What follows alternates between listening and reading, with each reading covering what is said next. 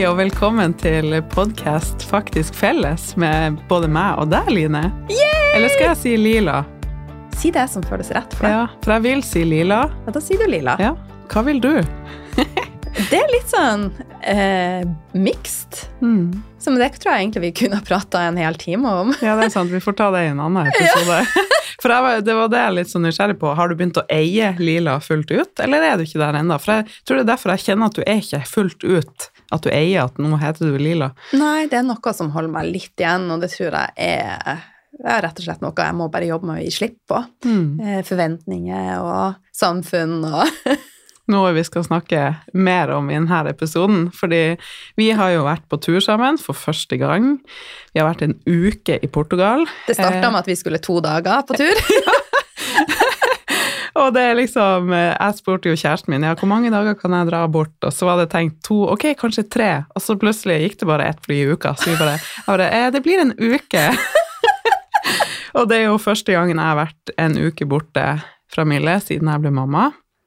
Eh, men jeg skjønner jo nå i ettertid, som vi skal komme litt tilbake til, hvor viktig det var at det ble akkurat den uka, for wow, så mye vi har lært. Ja, det var helt fantastisk. Ja, på godt og vondt. På godt og vondt. Der tok du ordene ut av munnen min. Ja. Men selv om det var på godt og vondt, så sitter vi jo igjen med jeg vil si, i hvert fall jeg, bare gode følelser. ja, helt klart. Rett og slett med tanke på måten vi har møtt ting og Mm. prosessert ting, som vi skal prate mye om i dag. Ja. Jeg tenker vi bare går litt igjennom uka vår, og så vil vi gjerne snakke om det, for at vi har tatt med oss så mange viktige læringer, og vi har kjent på sånn takknemlighet over verktøyene vi nå har med oss, den tryggheten vi har i oss sjøl, som gjør at vi møter livet og utfordringer på en helt annen måte enn vi ville gjort før. Mm. Så vi bare kjente at det her, det her vil vi dele med deg som hører på. Og så var det jo sånn når vi var i, For vi var i Portugal, og vi var på roadtrip, så eh, fikk, jeg, fikk vi jo mange spørsmål. Hvor dere spiser hen? Og, så det er jo en veldig fin måte for oss å kunne dele alle gullkornene med deg. Oh yes. Ja. Og så vil jeg jo så Vi var jo litt sånn Hvor skal vi reise hen? Eh, og vi hadde jo tenkt på å dra til Riga, var det det? Mm. Eh, og vi tenkte å bare leie oss i hytte og være i naturen. Men så valgte vi å følge intuisjonen vår, så vi var veldig dratt mot eh, Portugal. Mm. Og det er jeg veldig glad for at vi gjorde, for Portugal er jo et land som jeg har vært lite i, og det viste seg jo å være ganske magisk. Ja, veldig. Ja. Vi fikk jo oppleve veldig mye i løpet av en uke, og føler Portugal er et sånt land der man, man føler seg veldig fri, da. Man kan oppleve mye på kort tid, for det er ikke så lange avstander. Mm. Så jeg er veldig glad også for at uh, intuisjonen vår leda oss dit. Det var meninga. ja, absolutt. Mm. Og vi fløy jo da til uh, Faro? Faro Mm. og had- hadde leiebil, og det starta jo litt røft. Ja. Det er liksom Det var mye som eh, var litt røft på denne turen. Det var litt motstand her og der. Men vi var jo litt sånn Først hadde vi tenkt å fly til sør fordi at der var det varmest.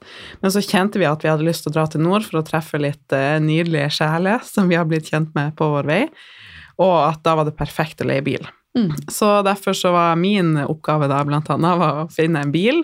Og jeg er jo vant til å leie bil i USA, og da er det liksom noe helt annet. Så når vi kom dit, så var det bare sånn et lite skur.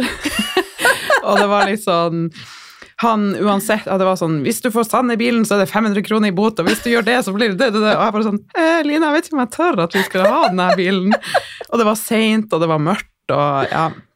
Eh, Men vi fikk jo den bilen til slutt eh, og skulle kjøre i Martna til det første hotellet vi skulle bo på, da, for da vi ville oppleve Lagos og Algarve-kysten først. Mm. Så det var jo der vi var de første dagene. På et fantastisk hotell, og det var så deilig å bare være nært sjøen. Og der også så fulgte vi jo intuisjonen. Eh, og selv om vi noen ganger så merka jo at vi hadde lyst til forskjellige ting, men vi var enige alltid. Mm. Så, så første kvelden vi kom på hotellet, så hadde du lyst til å spise på buffeen. Mm. Eller jeg må legge til det at jeg hadde ikke lyst til å spise på buffeen, men det var så seint, og var, jeg var så sulten, og det var så kort tid til det skulle stenge, at jeg var litt redd for å ta sjansen på noe annet. Og der var jo jeg litt sånn Skal jeg tør nå, er første dagen, skal jeg lage en dårlig stemning med å si at jeg vil faktisk ikke spise på buffé. Jeg hater buffé! Men det, vi takla alt veldig, veldig fint, Mm. og vi dro på den nærmeste restauranten. Vi fikk en reservasjon der, og med handa på hjertet, det var ingen sure miner hos Torunn. Og, altså, ikke én gang på turen. Men det at vi for på den restauranten, det åpna jo nye dører for oss. Mm, det leda jo oss på en måte til neste steg, og det føler jeg var veldig sånn, sånn det var på denne turen, at når vi fulgte intuisjonen vår, og plutselig fikk jeg en hunch om noe, så fikk du en hunch om noe, når vi fulgte det, så var det liksom der magien skjedde. Fordi vi kom jo, fikk beskjed om at ja, vi har reservert på hotellet, vi fikk anbefalt den restauranten, de reserverte bord, og bare ja, dere får det bordet, men dere må dra nå, for at det skal snart stenge. Så vi bare sånn Åh! Og når vi kom ned dit, så var det en sånn fantastisk liten lokal sjømatrestaurant, og det var så godt. Det var liksom eh, fersk fisk og reker og god stemning og masse lokale som satt og drakk vin og koste seg, og det var jo virkelig meningen at vi skulle dit, for da fikk vi jo også tips om en fantastisk gåtur. Mm. Og hvis du skal til, eh, til Portugal, så vil vi anbefale deg å dra til Algarvekysten, og Lagos var veldig fint. Og vi gikk en tur, da. Må, hvis du er portugisisk eller kan portugisisk, så får du ikke lov å flire til meg. Jeg gjør mitt beste, men vi gikk fra Praia de Portomos til Praia Dalos. Mm. Hørtes det rett ut? Ja, jeg syns det hørtes veldig bra ut. Bedre enn jeg ville sagt det. Og det var helt sånn Det var jo å gå fra ei strand til en annen, da. Og um, det var bare fantastisk landskap. Vi gikk langs klippene, og det var varmt, det var sol, og du ser det turkise havet, og nede på stranda så var det masse surfere, og det Masse var bare Masse kjekke surfere. ja. You said it, not me. og det var bare så deilig. Frihetsfølelse. Og det var liksom Det var jo første dagen. Eh, vi hadde bare sovet den natta, og første dagen vi var der.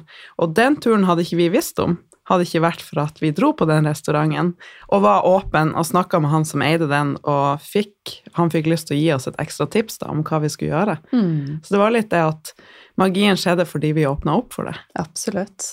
Og den turen der vil jeg jo si at passer for alle, stort sett. Den er, selv om du går langt, langs nydelig landskap og ser klippene og sånn, så er det jo en gåtur i Altså, det er jo ikke veldig kupert eller Så den kan også barn være med på hvis, de, hvis du har med foreldrene, da. Mm. Og så er det jo veldig fint hvis du bare går en liten del av veien. Man trenger jo på en måte ikke gå hele. Vi gikk jo nesten fra den ene stranda til den andre, men så snudde vi, for vi hadde jo bilen Mm. på den første. Og der var det litt interessant, for at den gamle oss hadde nok tenkt at vi måtte gå helt ned til Praia Mm. de Luz. Til målet. til målet. Eh, mens da skjedde et skifte for oss begge, og det er nok at prosessen er målet. Så vi, da tok jeg avveining, jeg spurte sånn forsiktig er det viktig for deg å gå helt i mål. Og så var vi veldig enige om at det, det er faktisk ikke viktig, prosessen er det viktigste. Mm. For vi var begge begynt å bli sulten og litt solbrent, og, så da, vi hadde fått det viktigste med oss. Mm. Og da snudde vi! Da snudde vi og gikk tilbake. Og så, på veien tilbake, så sa jeg jeg vil se enda mer klipper. Ja, og da bare tilfeldigvis så googler jeg Lagos og Rocks, for man har jo sett sånne bilder av fantastiske hva man skal kalle det, klipper, strender, hav, eh, formasjoner rundt om i Portugal. Og da fant vi et fantastisk sted som var rett i nærheten. Så det var liksom bare snakk om å kjøre i syv minutter. Ja, det var helt nydelig, og det heter vel Ponta, de, Ponta da Piedade, tror jeg. Ponta da Piedade, Ja. noe sånt. Men det var som å komme til en annen verden. Mm. Bare rett rundt hjørnet. Eh, og det var en sånn liten gåtur der man kunne gå litt forskjellige plasser rundt akkurat der. Og bare den utsikten og da hadde Line nesten en liten crazy opplevelse. For at det Jeg føler det er sånn å være på tur med deg. Du er sånn Jeg har blitt litt mer sånn eh, skeptisk etter jeg ble mamma og liksom skal være litt forsiktig. Mens du er bare sånn Hei, vi går her, vi prøver det. Og så skulle liksom Line gå utpå de steinene. Eh, og plutselig kom det jo svære bølger, og plutselig Line bare snur og spurter tilbake og bare full eh, adrenalinkick, liksom. Det skal jeg ikke gjøre igjen. Nei, var da følte jeg at livet i gave. Ja. Men skoene mine ble våte, og skjørtet mitt var vått, men jeg overlevde. Ja, Og vi fikk en morsom historie ut av det. Og det er jo det viktigste. Ja, det Er det ikke så lenge det går bra? Så det var egentlig sånn, hvis du skal litt, være litt forsiktig, Ja. ville jeg sagt da. Ja, jeg er faktisk veldig enig, for at det er jo røffe bølger og sånn eh, i det området. Så det er, også på stranda, Mm. hvis du har barn, pass på de. Ja, det Ja. var crazy. Det var jo, jeg er ikke så tøff når det kommer til bading i sånne bølger. Men eh, Line, du prøvde jo litt, og det er ganske sterke krefter. Ja, veldig sterke krefter. Så her fikk jeg en sånn ny respekt for de som driver og surfer. Mm. Det er jo en kunst. Ja, det, det var surfekonkurranse mens vi var der, og det er heftig å se på. Ja, jeg vet ikke om det er helt for meg, for å si det sånn, men eh, heldigvis så trenger man ikke å gjøre alt. Nei, jeg er enig. Men i Lagos hadde jo du også fått eh, Vi hadde jo gjort litt research før vi reiste, og du hadde fått tips om en spiseplass. Mm, jeg har en venninna som faktisk har bodd der eh, og jobba der i noen måneder. Lina, som reiser mye rundt. Og hun tipsa oss om en skikkelig kul plass som heter Beats and Burritos. Og da kjente vi at da drar vi dit. Ja. Så det var helt perfekt etter de her gåturene og etter å ha opplevd så masse og vite litt hvor vi skulle, da. Og der var det høy musikk, og det var masse deilig meksikansk mat, kan man vel si. Jeg trodde du skulle si deilige surfere. Du er fortsatt hung up i det, altså. Ja, det var det kanskje òg. Jeg la ikke merke til det, for da var jeg sånn eh, Vi har jo litt sånn forskjellig matmønster, egentlig. Jeg er litt mer sånn frokost. Jeg kan godt vente litt eh, noen timer, men Vi kan heller bare si jo Torunn spiser dobbelt så mye som meg. Ja, det gjør jeg også. Så når vi var der, så legger ikke jeg merke til noen surfere. Da jeg var sånn Hva skal jeg bestille, og når kommer maten? Så det var mitt hovedfokus. Men det var fantastisk, for du setter på en måte sammen din egen bowl. Og de har jo hummus, guacamole, de har eh, quinoa, kylling, kjøtt, hva enn du vil. Det var kjempegodt. Ah, det var skikkelig digg. Og så søtpotet fries til. Ja, stemmer det. Ah. Og så var det kult, for at eh, veggene var dekorert med servietter Mm. som kundene tegna på.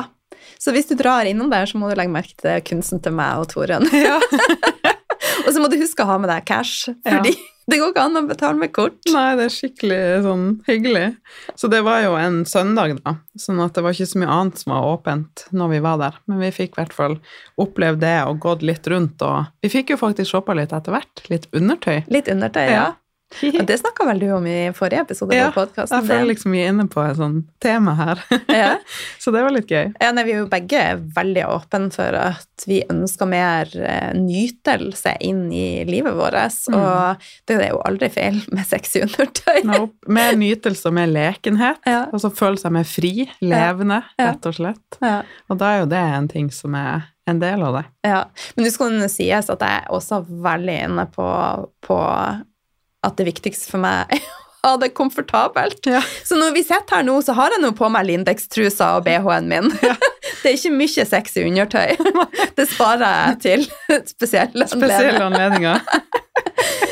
oh. Jo, men det gjør jo også noe med følelsen, så Mm. vi trenger ikke å gå inn i, i det. Men det er tid for alt, altså. Mm. Ja, helt enig. Så, eh, men etter vi hadde vært eh, på Algarvekysten, så mm. tok vi eh, bilen med oss og kjørte Der hadde jeg fått tips hos min osteopat, faktisk, eh, om at han anbefalte oss å dra eh, innom et sted som heter Comporta. Eh, så da vi tok Det heter vel A12?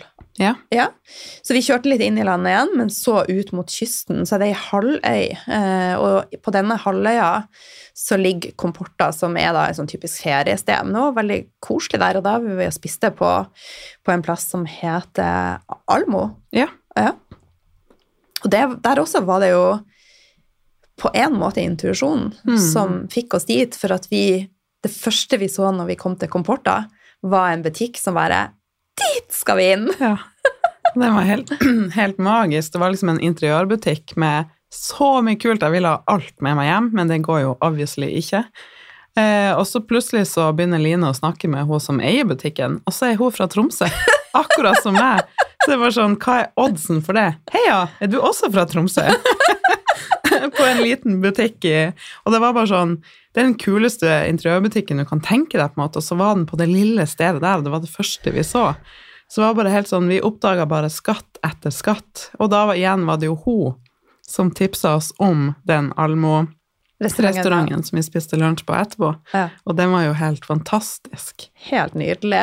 Og det stedet vi var på, heter Lavanda, den butikken på Mm. Comporta, da. Du finner den på Instagram hvis du vil snike litt. Ja, men hun var litt sånn Hva gjør dere her? Det er nesten ingen norske folk her. Så det var jo veldig artig at Mm. vi ja, tok veier som eh, ikke var helt typisk. Ja, veldig. Så, men skal du til Comporta, som er en veldig koselig by, så dra innom Lavanda, og så Mm. vil vi absolutt teste. Jeg eh, anbefaler Allemo. Mm, den blomkålen var helt nydelig. Og så har de sånn koselige små kambodsjaflasker, og det var skik- skikkelig hyggelig. Ja, jeg lurer på den var, det, altså, var litt sånn lokal portugisisk kombucha, og den heter Mai, var det vel den heter. Mm. De hadde sånn herlige smaker som jeg ikke hadde testa før. Ja, Ja. veldig. Og den, fra den butikken, da, den Lavanda, så kjøpte jo jeg med meg sånn skjærefjøl og salatbestikk, som er bare så kult med tre og med masse farger på. Jeg kan legge det ut på Story og vise det fram. Jeg har faktisk ikke gjort det ennå. Fordi det ble jo litt drama når vi kom til eh, Lisboa, men det skal vi komme tilbake til etterpå. For jeg tenkte liksom at jeg skulle vise fram det jeg hadde shoppa, men det ble det aldri. men uansett, det var bare en sånn perle av et lite sted Ja. som vi ikke ville fått opplevd hvis ikke du hadde fått tips, og hvis ikke vi var åpne for å liksom utforske ulike ting. Og jeg vil jo også si at den fergeturen var ganske magisk, fordi Ja. når vi var på den ferga, så plutselig bare sprakk skyene opp, og sola kom igjennom, og det var solnedgang, og det var bare helt sånn Så frihetsfølelse, da. Ja. Og der, du tar ferga fra en, en bitte liten plass som heter Troja. Så du kjører eh, het, altså Selve halvøya heter vel eh, Jeg er litt usikker på hva den heter, men i hvert fall hvis du søker opp Comporta, så ligger Troja litt lenger ut, og da tar du ferga til en by Det skrives Setubal, men jeg tror på portugisisk så sier de bare Zebal. Zebal. Så i noe i den duren, da. Men det var bare det også å ta ferge var litt sånn kult. Selv om vi, det er jo norsk eh, En del av norsk kultur, men hvor ofte drar vi liksom til I Norge, vi kaller jo Spania Italia vi kaller det Syden. Hvor Ja. ofte tar vi ferge i Syden, liksom? Jeg vet, jeg syns det var skikkelig koselig. Også når vi kommer på andre sida til Sebal, Setubal, Sebal, så kjente vi egentlig også at det var en by vi hadde lyst, lyst til å utforske. Men da måtte vi jo bare kjøre rett videre til Lisboa. Men det er jo òg noe som når vi skal tilbake, ikke hvis, men når vi skal tilbake, så er jo det en by vi har lyst til, eller et sted vi har lyst til Ja, og da tror jeg også da fra kysten, så kjører kystlinja fra Sebal og til Lisboa, så er det masse små, koselige byer. Vi kjørte jo også bare rett inn, sånn som jeg forsto. Ja. Og det er jo også en ting Jeg skulle jo ikke kjøre bil når vi kom til de, de litt større byene. Men jeg har jo vært aerobic-instruktør i 20 år, så jeg er jo helt forvridd i hodet mitt. Så eh, høyre-venstre er faktisk snudd opp ned. Så jeg er jo verdens verste kartleser. Ja, så skal du kjøre dit og dit. Er du sikker? sier jo Toren. Så hun måtte, når hun skulle kjøre bil, da, så måtte hun både være kartleser og kjøre bil. Så vi fant ut at det var kanskje bedre at jeg kjørte bil. Ja. Jeg begynte jo de første dagene med at det var jeg som kjørte overalt, og da var det ikke så utfordrende å finne fram. Men med en gang vi trengte kart, så skjønte jeg fort at bare ok, det er liksom å velge mellom hummer eller kanari. Bare skal Line kjøre eller lese kart? Du må faktisk kjøre. For da var det høyre, ja, mener du høyre eller mener du venstre? Og da måtte jeg sende melding til mannen min. Neste gang jeg skal på Elkjøp i Oslo, så kan jeg kjøre sjøl. For nå kjører jeg i Lisboa. Og det går helt fint. Det var helt rå inn i rundkjøringen òg. For det er jo litt sånn, når man kommer til andre land, så er det liksom kulturen på kjøringa også. Hvordan kjøres det? Her er man hissig, er man høflig? Og der var det sånn Du måtte bare bestemme deg når du skulle inn i en rundkjøring, og gå for det. Nølte du, så Ja, jeg nølte i første rundkjøringa, det gikk ikke så bra. Og så tenkte jeg bare, så visualiserte jeg Paris, og så så jeg ok, der er det bare gønn på for å komme seg gjennom. eh, Og det var det jeg gjorde fremover. ja. Og det gikk, eh, gikk veldig bra. ja. Så jeg suste da til Lisboa, og vi hadde jo leid ei Airbnb-leilighet, Toren. Mm. Og det This is where the story takes a turn. Der hadde vi jo egentlig tenkt å bo resten av tida vi skulle være i Lisboa. Eh, og vi hadde jo eh, Altså, jeg, jeg og Line kjenner hverandre veldig godt. Vi har aldri vært på tur sammen før. Så vi hadde jo leid den leiligheten for å få hvert vårt soverom, blant annet. For vi er jo begge sånne som liker vår egen space, og vi lytter innover og starter dagen med meditasjon og alt det der. Så derfor tenkte vi at det var en god idé. Og så hadde vi jo søkt på det området vi hadde lyst til. Eller Airbnb var jo ditt ansvar å finne den leiligheten først. Jeg hadde jo de andre, finne hotellet og bilen. Um, så du hadde jo søkt på det området der vi ville bo, Mm. og da kom jo denne leiligheten opp. Mm. Og den så jo perfekt ut for oss. Ja. Lys, fresh, fine farger. Ja, den så egentlig ut som et perfekt sted, men så skjønte vi jo etter hvert at det var et sted så de hadde strødd litt glitter på skiten. Ja, og bokstavelig talt. Fordi for det første så var vi lova parkering, eh, og når vi kom frem dit, så begynte det å bli ganske mørkt, og det var ingen parkering. Og du kan se for deg de smaleste veiene i sånn italienske, portugisiske byer. Altså det var sånn supersmart og, smalt og enveiskjørt. Og vi var jo litt eh, Det var ganske seint. Jeg var litt sulten igjen. og vi hadde ikke så mye batteri på telefonen. Og vi skulle gå ut av bilen for å liksom bruke koden for å ta ut nøkkelen og låse oss inn. Og hvor enn man gikk på bakken, så var det sånn rett i en hundebæsj. Og den døra, når vi skulle inn i der bygninga, eller hva man skal si, huset Altså det var jo leilighet Leilighetsgård. leilighetsgård. Den var så smal at det var vanskelig å skulle få med seg en koffert inn der. Lyset i gangen var gått, så det var helt mørkt. Og vi fikk jo den nøkkelen ut av nøkkelboksen og fikk jo kommet oss inn den første døra. Så Men en av oss sto jo ute, Ja. for at vi fikk ikke parkert bilen. Nei, så måtte... Så for hver bil som kom, så måtte en av oss kjøre bilen frem, for det var enveiskjørt, og så måtte vi rygge tilbake igjen. Det var totalt umulig å finne parkering. Vi hadde jo snirkla først rundt en halvtime for å finne parkering. Ja, det er sant. Ja. Og det å rygge der når det var så smalt og så mørkt Og vi må legge til, det var ikke rygge i kamera, kamera og ikke noe sensor på bilen i det hele tatt. Det var sånn back to basic. Så det var ikke så Så du kan jo egentlig se for deg at pulsen vår begynte å stige litt etter hvert, der vi sto med mer og mer hundebæsj under skoene. Og koffert da på et smalt fortau, og det var ikke veldig sentralt, dette. Det var ikke der vi hadde søkt. Nei. for å si det sånn. Og etter hvert som vi sto der, så fikk vi òg mindre og mindre batteri på telefonen. Så man føler seg jo ikke så veldig liksom zen. Nei. Og så kan jo du fortelle videre hva som skjedde. Ja, for casen her var jo at det var en nøkkel som vi skulle komme oss inn til selve leiligheten. Og det lå med en sånn instruksjonsvideo for hvordan man skulle bruke den nøkkelen og komme seg inn. Og vi hadde også sett på reviews at det var noen som hadde nevnt litt at det var litt vanskelig å komme seg inn, men ellers var det veldig fint. Og vi prøvde jo den nøkkelen da, og den funka jo ikke. Og vi prøvde og prøvde, og Line så den instruksjonsvideoen flere ganger, og vi prøvde på en måte å strekke nøkkelen, som For det skulle være trikset, å strekke nøkkelen. ja, og vi strakk den og strakk den, og den funka ikke. Og det kom etter hvert naboer som hjalp oss. Samme nøkkelen, strekte den, prøvde alle mulige vinkler, alt mulig. Og der står vi, midt i ingenting, føltes det som. Hundebæsj. ikke lys. Sto med liksom eh, mobil til Altså, hva heter det? Lommelykta på mobilen. Mindre og mindre strøm. Jeg var på telefon med Airbnb. Ja, du snakka med Airbnb.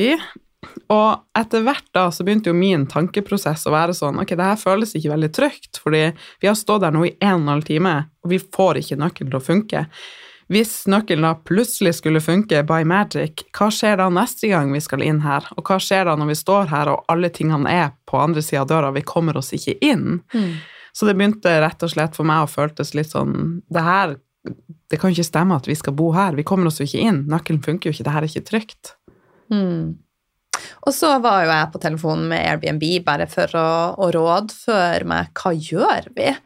Og da var det jo begynt å nærme seg to timer Mm. eh, fra vi kom, eh, hvor vi har lett etter parkering, hvor vi har fått hjelp av utallige naboer, og hvor også utallige naboer sa at det er ikke gratis parkering her, og det er så å si umulig å finne parkering. Og naboen sa også at eh, nøkkelen funka bare ikke. Mm. Eh, og så råd sa da Airbnb til oss dra derifra, eh, finn dere en plass og få telefonene deres, og så hører dere fra oss igjen, og da skal vi komme med noen linker til alternativ overnatting. Mm. Eh, og det tok da Og i mellomtida, for vi var jo i dialog òg med verten hele tida, så jeg har jo sikkert eh, har flere hundre meldinger med han. Eh, og idet vi kjørte derifra, så hadde han melda oss om at han kunne ta en videochat med oss, og det var jo to og en halv time etter vi kom, da. Mm. Eh, og han skrev også at han kunne komme og møte oss. Eh, men da var vi kommet til en helt annen del av eh, Lisboa, der vi egentlig skulle bo, da. Eh, det er jo helt innsides. Men i hvert fall, så vi bestemte oss for å ta inn på hotell. Ja, for det må òg legges til her at han var ikke veldig hyggelig med oss Nei. i kommunikasjonen. Han begynte ganske raskt å virke irritert og frekk og bare sånn Men se videoene, strekk nøkkelen og bare Vi har gjort alt det. Hvor, hvis du hører på noe og vet hvordan du skal strekke metall, send oss en melding! oh, det var bare Og igjen, min tankeprosess var Og så er det sånn Jeg og Line har jo ikke vært på tur før. Vi kjenner hverandre ikke så godt i så pressa situasjoner. Og jeg sto da opp den smale trappa i mørket der med en av naboene når han prøvde, og så sa Line 'film han' når han prøver å komme seg inn. Og så sa jeg nei. Eller jeg sa liksom nei, men vi skal på en måte ikke trenge det, eller Jeg husker ikke hva jeg sa, men eh, Og så tror jeg kanskje du tenkte at ja, men jeg skal ikke plage Torunn, eller hun For vi kjenner hverandre ikke så godt at vi tok de der ekstra kampene. Vi lot det kanskje gå litt. Og i ettertid så ser man jo at hvis vi hadde gjort det, så hadde vi kanskje hatt et eller annet bevis da, som vi kunne trengt for å komme videre i saken med Airbnb Mm. Som vi skal komme tilbake til nå, når vi forteller historien videre. Men jeg var så fast i det at det er vel ingen som kan mene at vi skal måtte være i en leilighet der det er så vanskelig å bruke nøkkel for å komme seg inn. Det er jo ikke logisk på noe sted, men tydeligvis for Airbnb. Eller hva sier du? Nei, altså, alt her, det er så mye logisk, altså så mye brister i logikken at eh, Men i hvert fall, jeg og Toren vi tok inn på hotell, og det er jeg veldig happy for at vi gjorde. For at Airbnb de svarte oss ikke før dagen etter eh, klokka to, så det tok 20 timer fra, fra de lova at de skulle svare oss, til at de gjorde det. Eh, og da sendte de linker til masse andre leiligheter, og jeg svarte etter to minutter. Vil dette da være erstatning for den leiligheten vi allerede har betalt 10 000 for? Mm. Det fikk vi aldri svar for. Og vi kom oss aldri inn i den leiligheten. Vi fikk ikke hjelp fra Airbnb, og vi fikk ikke hjelp fra verten. Nei. Så det er jo egentlig veldig kort fortalt hva som skjedde. Ja, og det vi opplevde egentlig Altså det vi egentlig vil si Altså vi skal trekke ut vår læring av det her også, for vi har vokst masse på det. Det er veldig interessant når man er på tur med noen man ikke kjenner så Mm. godt i sånne situasjoner og alt det her, men litt sånn Det vi opplevde med Airbnb, da, gjør at vi har bare lyst til å dele det også, sånn at du kan være litt mer skeptisk før du leier Airbnb i utlandet, Mm. tenker vi og se at det er nok reviews og ha dialog med verten på forhånd, sånn at du kjenner deg trygg. Eh, fordi at eh, vi opplever jo å ikke bli forstått eller hørt av Airbnb, og de bruker nye argumenter mot oss hver gang. Det, plutselig så er det det at vi tok inn på hotell som gjør at vi da ikke kan få igjen pengene. Så bare, men det var jo kjempesent. Skulle vi bare stå midt på natta i Lisboa? Det stengte jo. Skulle vi bare stå midt på gata til dere kanskje tok kontakt, og de tok jo ikke kontakt for dagen etter. Mm. Klokka så- to på ettermiddagen. Ja, og så er det plutselig liksom andre argumenter de bruker imot oss. Mm. Så vi har jo vært på telefon med dem, eller var på telefon med dem hver dag denne uka. Mm. Og spurte om å få komme tilbake og prøve i dagslys å komme inn i leiligheten, uten at vi fikk tilgang. Mm. Ja, Virka som vi var forbrytere, Torunn! ja, og Line sa på et eller annet tidspunkt når hun snakket med dem bare eh, Det virker som dere tror at vi ikke ville noe, som- Det kan vi legge til til dere, at når vi kom dit og så hvor det var, og når vi opplevde det her, så fikk vi jo ikke lyst til å bo der. Nei. Men Line sa liksom Det virker som at dere tenker at vi leide den leiligheten, men ikke Altså, vi ville jo selvfølgelig bo der. Vi hadde jo leid den av en grunn, og vi skulle jo bo der. Det virker som dere tror at vi bare så etter en utvei for å slippe å liksom Vi er jo ikke så Så vi Det er litt frustrerende å oppleve at du ikke får noe hjelp, da. Mm. Det er det vi kjenner, at uh, det føltes ikke veldig trygt. Nei. Og vi har ikke fått så god hjelp fra Eller vi har ikke fått noe hjelp fra Airbnb. Vi har blitt satt videre til nye kontaktpersoner hele veien, Mm. og det gjør at vi Det kommer til å sitte langt inne og leie via Airbnb i utlandet Mm. en annen gang, da. Ja. Og igjen, som Torunn sa, hvis du gjør det, pass på å ha masse dialog med verten, og vi leide noe via Jeg, jeg tenker at vi kan jo bare si navnet. Mm. Ja, det heter Rent Portugal. Så det er jo litt Med en gang det vei det vei veldig upersonlig, Ja. eh, så det vei vanskelig å komme i kontakt med noen personer. Er det et enkeltmenneske som leier ut, så klarer du å kjenne, bruke intuisjonen din og kjenne er dette rett, eh, og får du gode svar på spørsmålene du stiller. Mm. Og så Og nok reviews, tenker Ja. jeg òg. Mm. Den her hadde bare fire, og det er jo kanskje litt lite, da. Ja. Eh, og så skulle noe oppstå. Ta bilder og Ja. video. Yes. Det har jeg virkelig lært- at eh, jeg kan nok være litt sånn naiv og godtroende på en måte og tenke at ordene mine skal være nok. Eh, Men sånn er det jo dessverre ikke alltid. Så det å ta videoer og ha liksom bevis, noe vi prøvde, eh, fordi vi Det endte jo opp med å bli en blessing for oss. Mm. Fordi vi fant et fantastisk hotell. Vi bodde midt i gryta der vi ville bo. Det var lett å gå til alt. Vi følte oss trygge, det var treningsrom, og bare sånn eh, Det gjorde at vi fikk en helt annen opplevelse enn vi ville fått hvis vi skulle bo der midt i gokk og måtte gå kjempelangt. Mm. Og, for vi kunne ikke kjøre, for det var jo umulig å finne parkering Ja. Så det gjorde jo at eh, Altså, vi føler jo at universet At det skjedde for oss. Vi ble Mm. tatt vare på, men det var en veldig kjip situasjon å stå i der og da, og Mm. oppleve det at du ikke blir hørt, på en Mm. måte. Og så hadde vi jo begge hatt jeg bruker å kalle det ping, altså en slags intuisjon på at denne leiligheten ikke var rett. Mm. Men der tror jeg òg på grunn av at vi ikke kjente hverandre så godt på forhånd, så lot vi være å ta den ekstra samtalen. Så jeg sa ikke til deg at å, det føles ikke helt rett å bo her likevel. Eh, og det er jo veldig mye læring i. Ja, veldig. For intuisjonen er så sterk hvis man bare lytter til den, Mm. og den har som oftest rett. Ja. Ja, og i dette tilfellet hadde den jo 1000 rett. Mm. Så men jeg er helt enig med deg. Altså, vi fikk jo en total oppgradering, og jeg er så takknemlig for at vi faktisk har muligheten til det. Ja. For andre så hadde jo dette kunnet vært spikeren i kista på, på turen deres. Eh, for 10 000 er faktisk 10 000. Mm. Ja. Eh, Ja, jeg er enig. Og, eh, men det vi gjorde også, som eh, viser for oss begge to hvor langt vi har kommet eh, i vår reise med selvutvikling og bli trygge i oss sjøl, og det med å skifte perspektiv ganske raskt, da. mm. Vi, vi gir oss jo ikke så lett, og vi snakka jo vår sak, og vi prøvde jo det vi kunne med Airbnb, men så sa vi til hverandre at eh, nå skal vi ikke la det her ta vekk fokuset fra turen vår, så vi tar en telefon til, og så gir vi slipp. Mm. Det betyr ikke at vi ikke følger det opp mer hvis vi ser en mulighet, men vi vil ikke sitte på hotellrommet og være lei oss eller bruke masse energi på det. Nå legger vi det bak oss, vi ser takknemligheten at vi fikk det vi trengte, og at det leder oss i riktig retning, og så skal vi kose oss og gjøre det beste ut av det. Og det Mm. klarte vi veldig fort, og det var aldri sånn det kunne jo blitt sånn Ja, men det var du som fant leiligheten. Ja, men du tok ikke video av naboen. Ja, men du gjorde sånn og sånn. Det var ingenting sånn.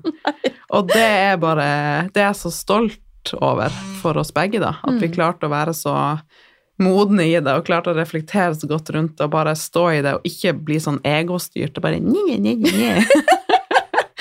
Nei, Det var jo faktisk ingen gnisninger, så det syns jeg at vi skal eh, være veldig, veldig stolte av. Mm. Eh, Og, og som du sier, vi bare skifter perspektiv veldig, veldig fort. Mm. Og vi har jo en del øvelser som vi bruker for å bare gi slipp, og riste og danse og meditere og skrive Du er ivrig på å skrive dagbok, Mm. og, så vi har jo våre eh, veier å gjøre det på, Ja. som, er, som er magisk. Og også ikke minst det med å å ha mer fokus på det som er positivt, Mm. kontra det som er negativt.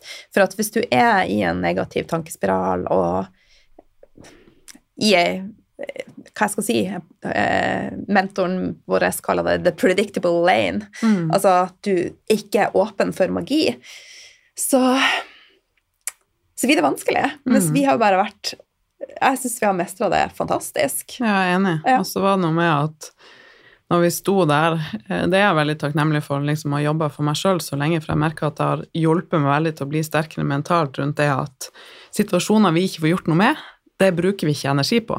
Bare det er kjipt, det har skjedd, men jeg får ikke gjort noe med det. Da skal jeg bare gi slipp. Jeg skal ta læringa, og så gir jeg slipp.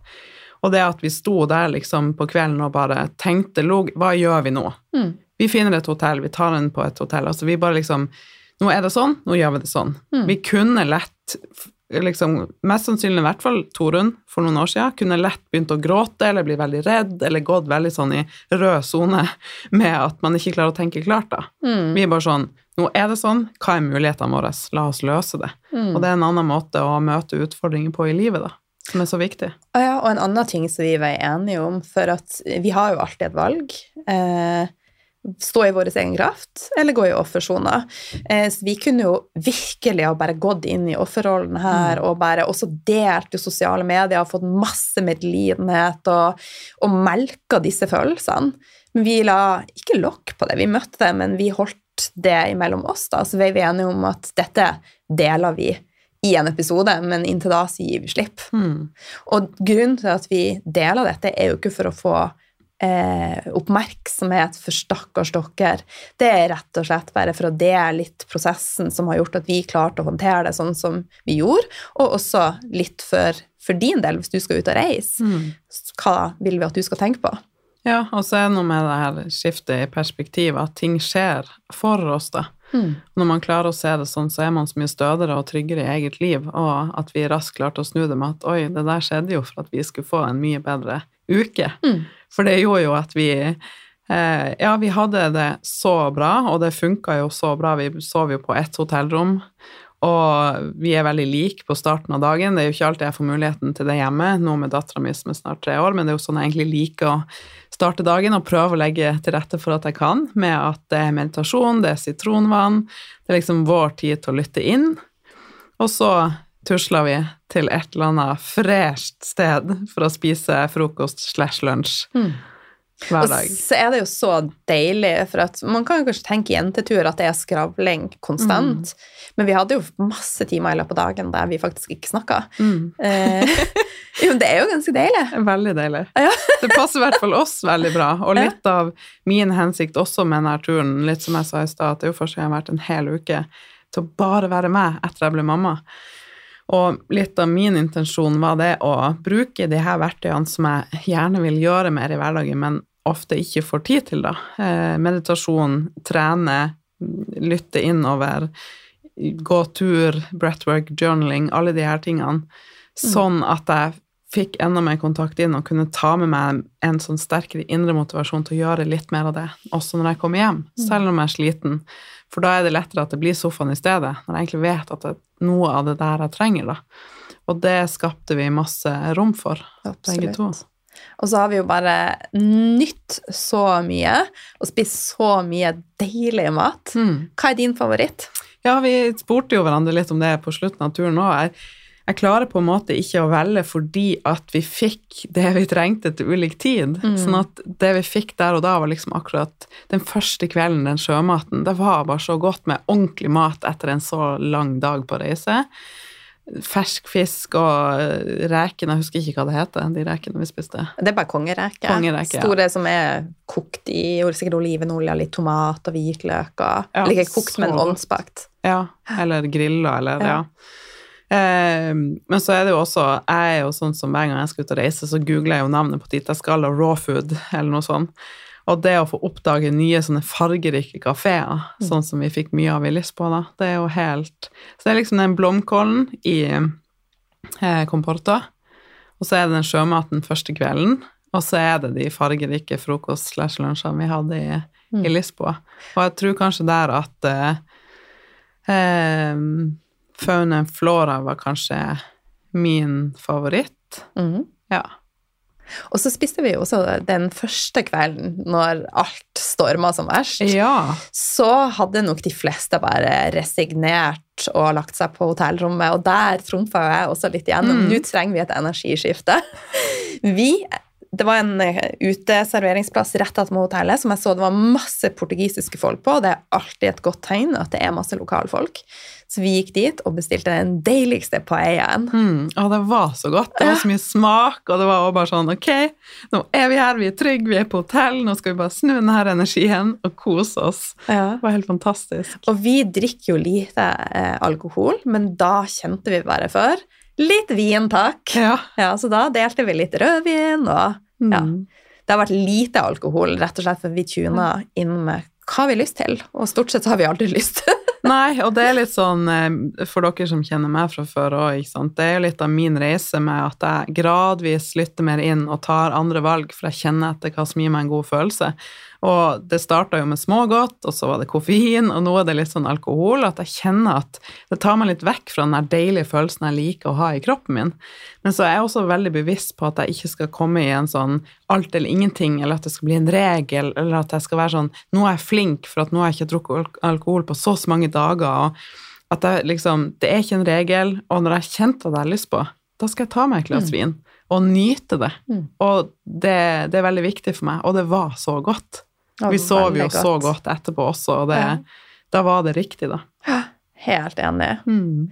Men de, ut av de plassene som, eh, som vi testa ut, så vil jeg anbefale eh, Dare Breakfast. Mm. Eh, men den ene plassen i Kiado, eller Chiado, jeg er litt usikker på hvordan det sies, er det litt kø. Men de har jo tre filialer hvis du skal teste ut, hvis du bestemmer deg for å fære til Lisboa. Og så har du plassen som Tore nevnte, som heter Fauna og Flora. Alle, altså begge disse stedene har lunsj og frokost og kombucha og ja, masse digg, men de har eh, lite raw cakes og kule og sånne mm. type ting. Så det gjorde at jeg er ekstremt takknemlig for eh, Happy Foods og Oslo Rå. Ja. Vi er heldige Ja, vi er som har hun Tiril og hun eh, Irina. Irina, Ja. ja. Og det gjorde òg at jeg begynte å google, da. Eh, raw cakes, raw food, raw cakes i Lisboa. Eh, og fant et sted som heter 26 Vegan Project. Som var et Det var en sånn skjult perle, føler jeg. For at eh, Instagrammen deres ser ikke så inspirerende ut. Hjemmesida så helt crap ut. Og det var liksom bare Ja, du kunne ikke se at det lå der hvis du ikke visste det. Og da begynte vi å bli sugen på litt eh, råkake. Så vi gikk et stykke for å finne fram dit, og så var det ned en trapp, og vi bare Er det noe her? Det er kanskje stengt, og det ser ikke ut som det er noe. Og så var det bare sånn «Ah!» Når vi kom ned den trappa, for da var det bare en sånn en liten hage, og det kuleste stedet med sånn kule stoler og interiør. Alt eh, vegansk og så god snickerskake, da, eller peanut cake, eller hva de kalte det på menyen, men den var så god med litt sånn crunchy Ja. kjeksbunn, og ekte sånn peanøttsmørsmak, og den var så god. Og Og det stedet ville vi aldri funnet hvis ikke vi hadde liksom Og maten var jo også magisk. ja, det var det. Ja. Jeg spiste noe sånn jackfruit um, ceviche, er det Ja. sånn man uttaler det? Med noe sånn rubbet, crunchy rubbet Ja, det var helt fantastisk. Vi følte, jeg tror at vi begge tar og deler på storyen vår eh, den dagen vi slipper episoden, og Mm. bare sånn at dere kan med link til plassene. Ja. så kan dere hoppe inn eh, og se rettene. Og det er Mm. noe med å bare leve seg inn i det. I hvert fall vi er veldig sånn Ja, og vi er begge sånn Både jeg og Line har jo hatt et vanskelig forhold til mat før, og nå er vi så trygge og fri rundt mat og vet hva som vi elsker, og hva som gjør oss godt, og vi er sånn matnerder. Ja. Så det er sånn når Happy Foods har fått en ny rett, og så spør Line ja, hvordan var den? Så jeg nei, den var litt sånn, men det mangla litt crunch, og den var søtt og syrlig, men det mangla litt. litt og, salt. ja, og Line bare le lever seg helt inn i det jeg sier. Mens andre er bare sånn Var den god eller ikke? så vi har jo Altså, det er ingen måltider som ikke var fantastisk. Nei. Alt vi har spist på hele turen, har vært sånn wow, og Mm. gitt, on- gitt oss en opplevelse. Da. Ja. Og de litt sånn fluffy pannekakene vi spiste på Flat kafé, de var jo også helt magiske. Og med den her eh, Jeg vet ikke hva de kaller det. men Trikk eller ja, ja. som kjørte frem og tilbake bak oss. Åh, Mm. Få meg tilbake snart! ja. Ja, nei, det var Lisboa er virkelig å anbefale. Jeg Mm. syns Algarvekysten er virkelig å anbefale. Mm. Jeg er veldig positivt overraska over, Portugal og over deg! ja, i like måte. Det er virkelig eh, et land jeg vil tilbake til, for at du får oppleve, som vi sa, så mye forskjellig, da. Mm. Og du har mulighet til å oppleve mye i løpet av kort tid, for det er ikke så lange avstander. Og Lisboa var helt fantastisk, og så mye god mat, og deilig å kunne gå til alt. Ja. Det er liksom frihetsfølelse. Men vil du se Lisboa litt sånn med en speeddate, så er det noe som heter tuk-tuk. Vi kalte det TikTok og tuk-tuk og takk-takk, tut-tut og titt-titt. og dette var jo min våte drøm, å kunne ta en sånn tuk-tuk. Og hun, Toren Torunn var litt mer sånn ja. Ja. Men der eh, føyde det deg litt, og så eh, tok vi en tuk-tuk. Ja. Og det var jo veldig fint. Ja, det var veldig fint, men der òg fikk vi litt sånn læring. Og det her er, jeg vet at du som hører på nå, kan kjenne deg igjen, og vi må bare flire av hvor rare vi mennesker er. Fordi vi fant liksom en hvit, fresh tuk-tuk eh, og en eh, hva man skal si, kan man si eldre mann, eller en mann i kanskje 50-60-årene, som virka veldig hyggelig. Han var 60, tipper jeg. 60, ja. Ja. Uh, og han var jo veldig passionate about his job, hvis man kan si det sånn. Mm. Uh, Og jeg har ikke vært på sånn før, og det er lenge, og i tillegg, sant, siden jeg og Line ikke kjenner hverandre så godt, så har jeg alltid hatt en sånn limiting belief, eller en sånn tanke om at For jeg er ikke så opptatt av årstall og historie og sånne ting, jeg er mer opptatt av liksom følelsen og opplevelsen og se på vakre ting, og klarer ikke å få med meg når det blir snakk om masse årstall og detaljer, da faller jeg, helt av. Men så tenkte jeg at jeg vil ikke ødelegge for Line hvis kanskje hun er veldig opptatt av det. Så vi hadde på en måte ikke avklart det her på forhånd. Og vi skjønte jo ganske raskt at han her, han likte å prate. Og det gikk i ett. Og det gjorde at vi fikk liksom ikke tatt inn inntrykk av alle de vakre tingene. For det er jo så masse vakre fliser der, og bygninger og sånn street art, og det er så mye fint å se. Ah, Og vi fikk ikke tatt ta det inn, Nei. fordi han snakka så mye.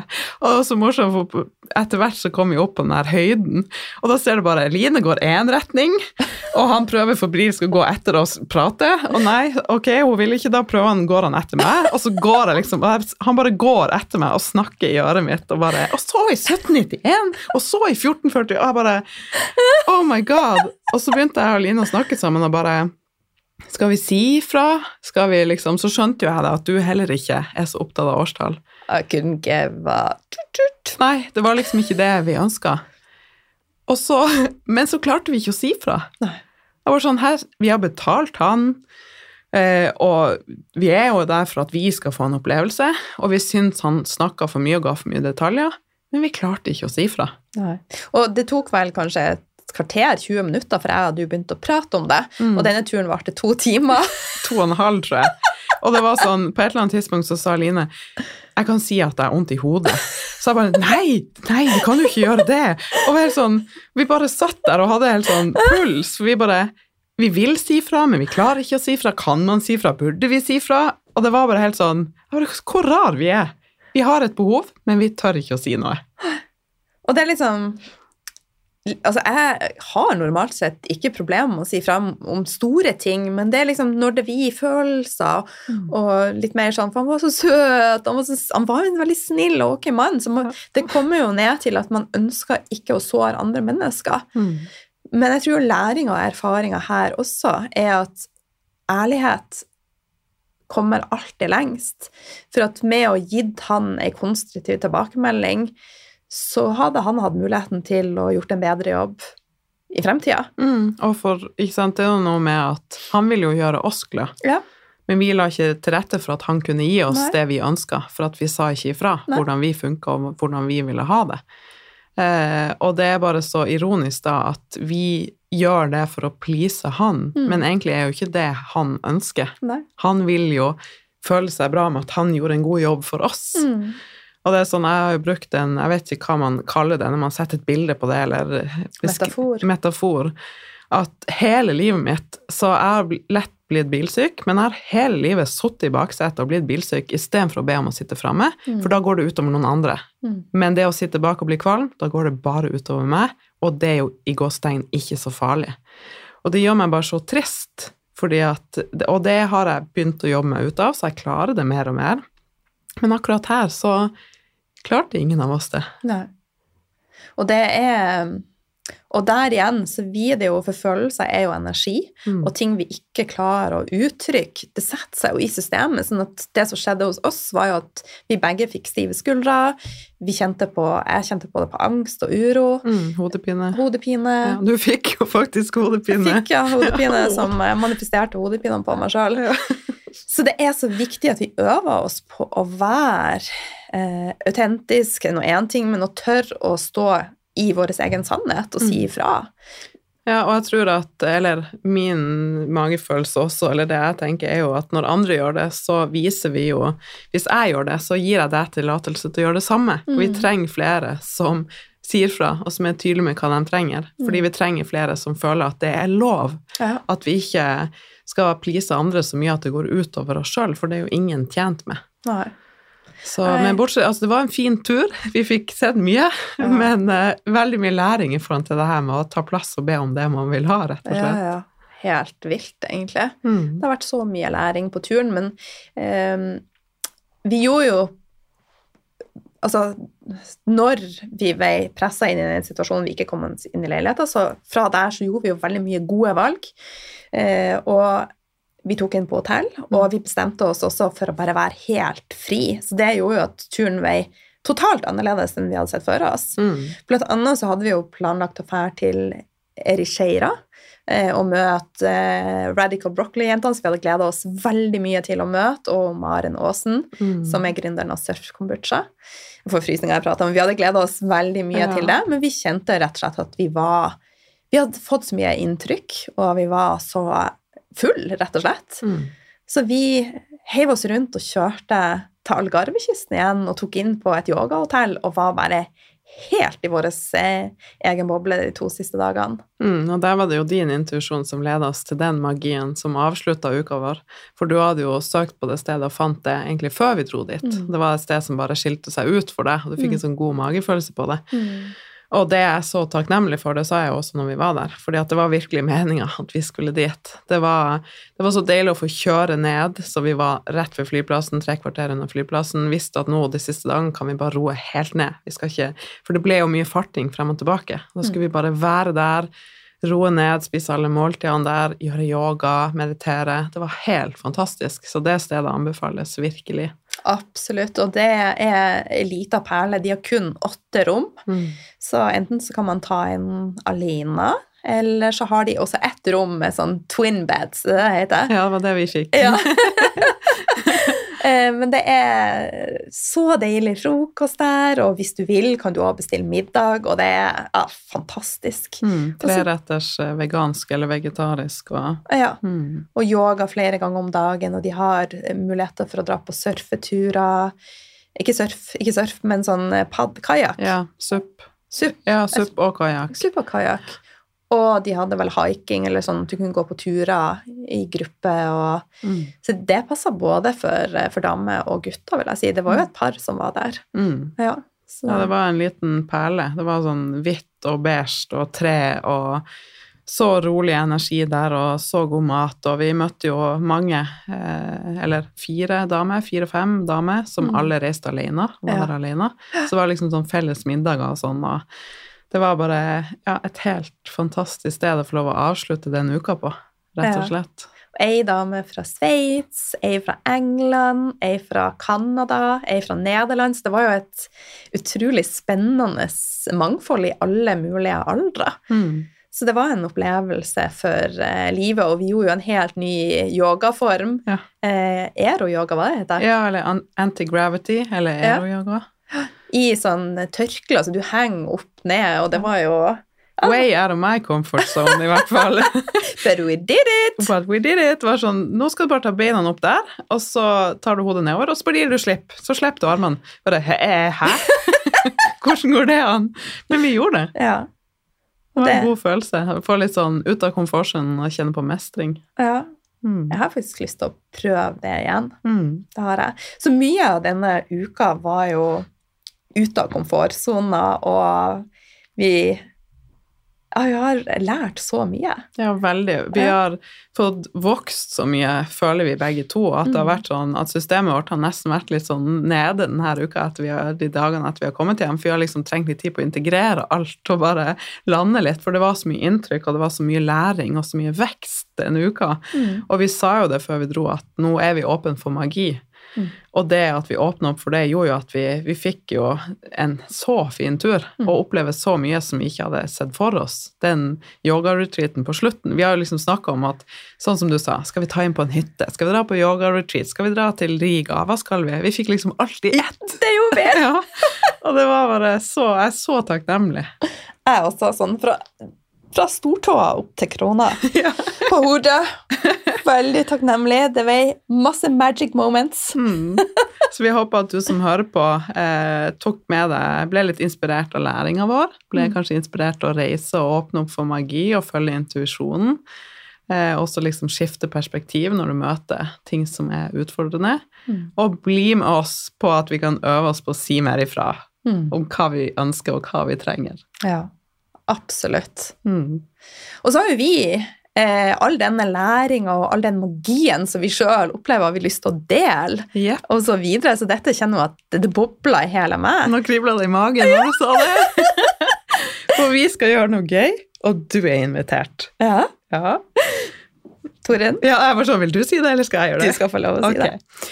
Jeg og For Line Torunn har bursdag i dag. Ja, det er veldig hyggelig. Eh, vi har kjent på det en stund, at vi har lyst til å skape en felles opplevelse. eh, Der vi lærer bort noen av verktøyene som vi bruker. Og vi har lyst til å gjøre det her sammen med deg som en live-opplevelse med oss i starten av 2023. Der vi skal eh, ja, rett og slett dele noen av de verktøyene som vi bruker, og som har endra vårt liv, og hvordan vi manifesterer ting vi ønsker oss, og hvordan vi klarer å snu det perspektivet og komme ut ifra at vi skal ikke ha en sånn januar nå der det er sånn all in, og så faller vi av etter to uker. Vi skal lære deg verktøy som gjør at den magiske starten på året varer. Der vi rett og slett står i vår egen kraft og bruker vår egen intuisjon og åpner opp for mer nytelse, lekenhet, glede. Um, jeg har sjøl levd et liv med altfor mye av og på og for mye skippertak, og hvor det har styrt livet mitt Mm. totalt. Jeg er ferdig med det. Jeg er så klar for å vise vei for, for så mange. For alle som er klar for det. Ja. Så vi skal rett og slett ha et kurs som heter Magic Momentum. Og hvis du er nysgjerrig på å høre mer, så kan du finne linken under denne episoden til ventelista og melde deg på der, for da kommer det mer informasjon veldig, veldig snart. Og det blir jo oppstarta i første uka i januar. Ja. Og vi skal ha bare den beste starten på året sammen, og det kribler i magen, fordi det blir en sånn live-opplevelse Mm. med at vi skal skape en helt egen energi sammen. Vi skal gjøre de her verktøyene sammen og vokse og bare få kjenne på mer lekenhet og frihet i livet vårt. Rett og slett bli litt mer uh, sjef i eget liv. Yes. Mm. Så Det er så viktig. det er vi så magisk. Mm. Woho! Så vi gleder oss til å se deg der. Så nå skal vi videre på Happy Foods og feire bursdagen min og kose oss. Og vi gleder oss til å høre hva, hva du tok med deg fra denne episoden, og om Mm. du ble inspirert. Og også ta gjerne og del episoden videre, og ja eh, Vær nøye når du skal leie Mm. Airbnb. Vi sier dette kun for at vi bryr oss om det. Mm. Ja. Ikke for at det er synd på oss. Nei, nei, absolutt ikke. Vi fikk det vi skulle ha, selv om det var selvfølgelig litt tøft der og da å stå i det, og man kjente jo på bare sånn Hva er riktig valg nå? Hva gjør vi nå? Eh, så har vi jo liksom vokst så mye på det og skjønte veldig fort hvorfor det skjedde, da, at det Mm. var en mening. Men det handler noe om at hvis man skal til utlandet, så er det noe med å kunne føle seg trygg også. Så da er det greit å vite at eh, du kommer til et sted der du faktisk kommer deg inn og kan legge deg i en seng og bo. Og tenk hvis Torunn, hvis du har stått alene der. Det er det jeg tenker på. Ja. Jeg er så glad for at vi var i lag. Mm. Åh, Enig. fantastisk. Ja. Men nå skal vi videre og skape mer magiske øyeblikk. Oh yes. Yay! Følge intuisjonen og åpne opp for magi og ikke være så låst. Mm. Det er vi ferdig med. Mm. Og vi gleder oss veldig mye til eh, deg som har lyst til å bli med oss på en sånn reise i Mm. januar. Så da bare meld deg på ventelista, så vil du høre mer snart om det. Masse kjærlighet fra oss! Masse kjærlighet.